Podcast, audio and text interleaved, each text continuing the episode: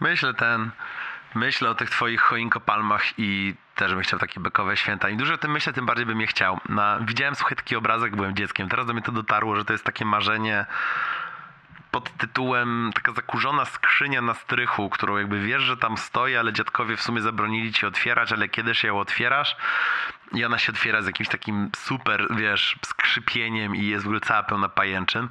I taka skrzynia mi się otworzyła w bani właśnie, że jak byłem dzieckiem, widziałem gdzieś taki obrazek, jak ludzie świętowali Sylwestra w jakichś pontonikach, czy kurde kołach do pływania.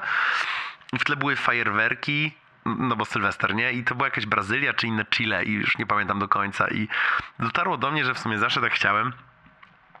I dotarło też do mnie, że w sumie nie wiem, czemu tego nie robię. Może kiedyś zrobię. Mm, To nie, to nie jest tak, że brakuje mi motywacji zewnętrznej, słuchaj, e, cytując mądre artykuły psychologiczne. W Wawie jest kurwa szaro w opór, deszcz pada, taki typowy grudzień. A za ucha by zaśpiewał Knajpa Kościół, widok z mostu, e, Knajpa Kościół i ten bruk. Kurwa, dramat. A, no, ale jakby czymże jest dramat w obliczu gapienia się w monitor w pracy cały dzień, nie? Więc jakby przynajmniej nie widzę, nie widzę, że jest brzydko. U ciebie, no, u ciebie też zapierdol, jakby słyszę, I hear you. Mentorka, mentorka cię ciśnie. Wiesz co, miałem taką myśl, ja ją tylko po, położę na stole, jakby to ty podejmij decyzję, czy chcesz jakby w to wejść, ale ty jesteś pewna, że ona chce dobrze? Jakby wiesz, że ci kipicuje, nie? W sensie to jest dla mnie ważne, żeby ci wyszło, ale nie jestem do końca pewien, czy tak warto totalnie nie stawiać żadnych granic. Jakby ja wiem, wiem jak brzmię, bo poza e, Kurwa, czekaj, uciekło mi.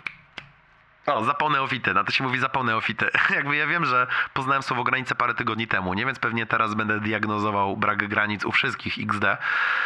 Mm. Ale rzucaj na to okiem, co? Jeśli, jeśli, jeśli tak mogę zasugerować, wydaje mi się, że dobrym pomysłem byłoby porzucać. Eee...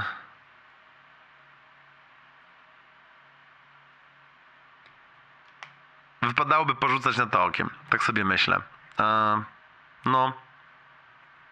Nie chcę ci dawać jakby twardych rad. W sensie tak sobie myślę, że nie jestem w pozycji, e, dlatego się przygryzam w język, ale po, porzucaj na to okiem, dobra? E, no.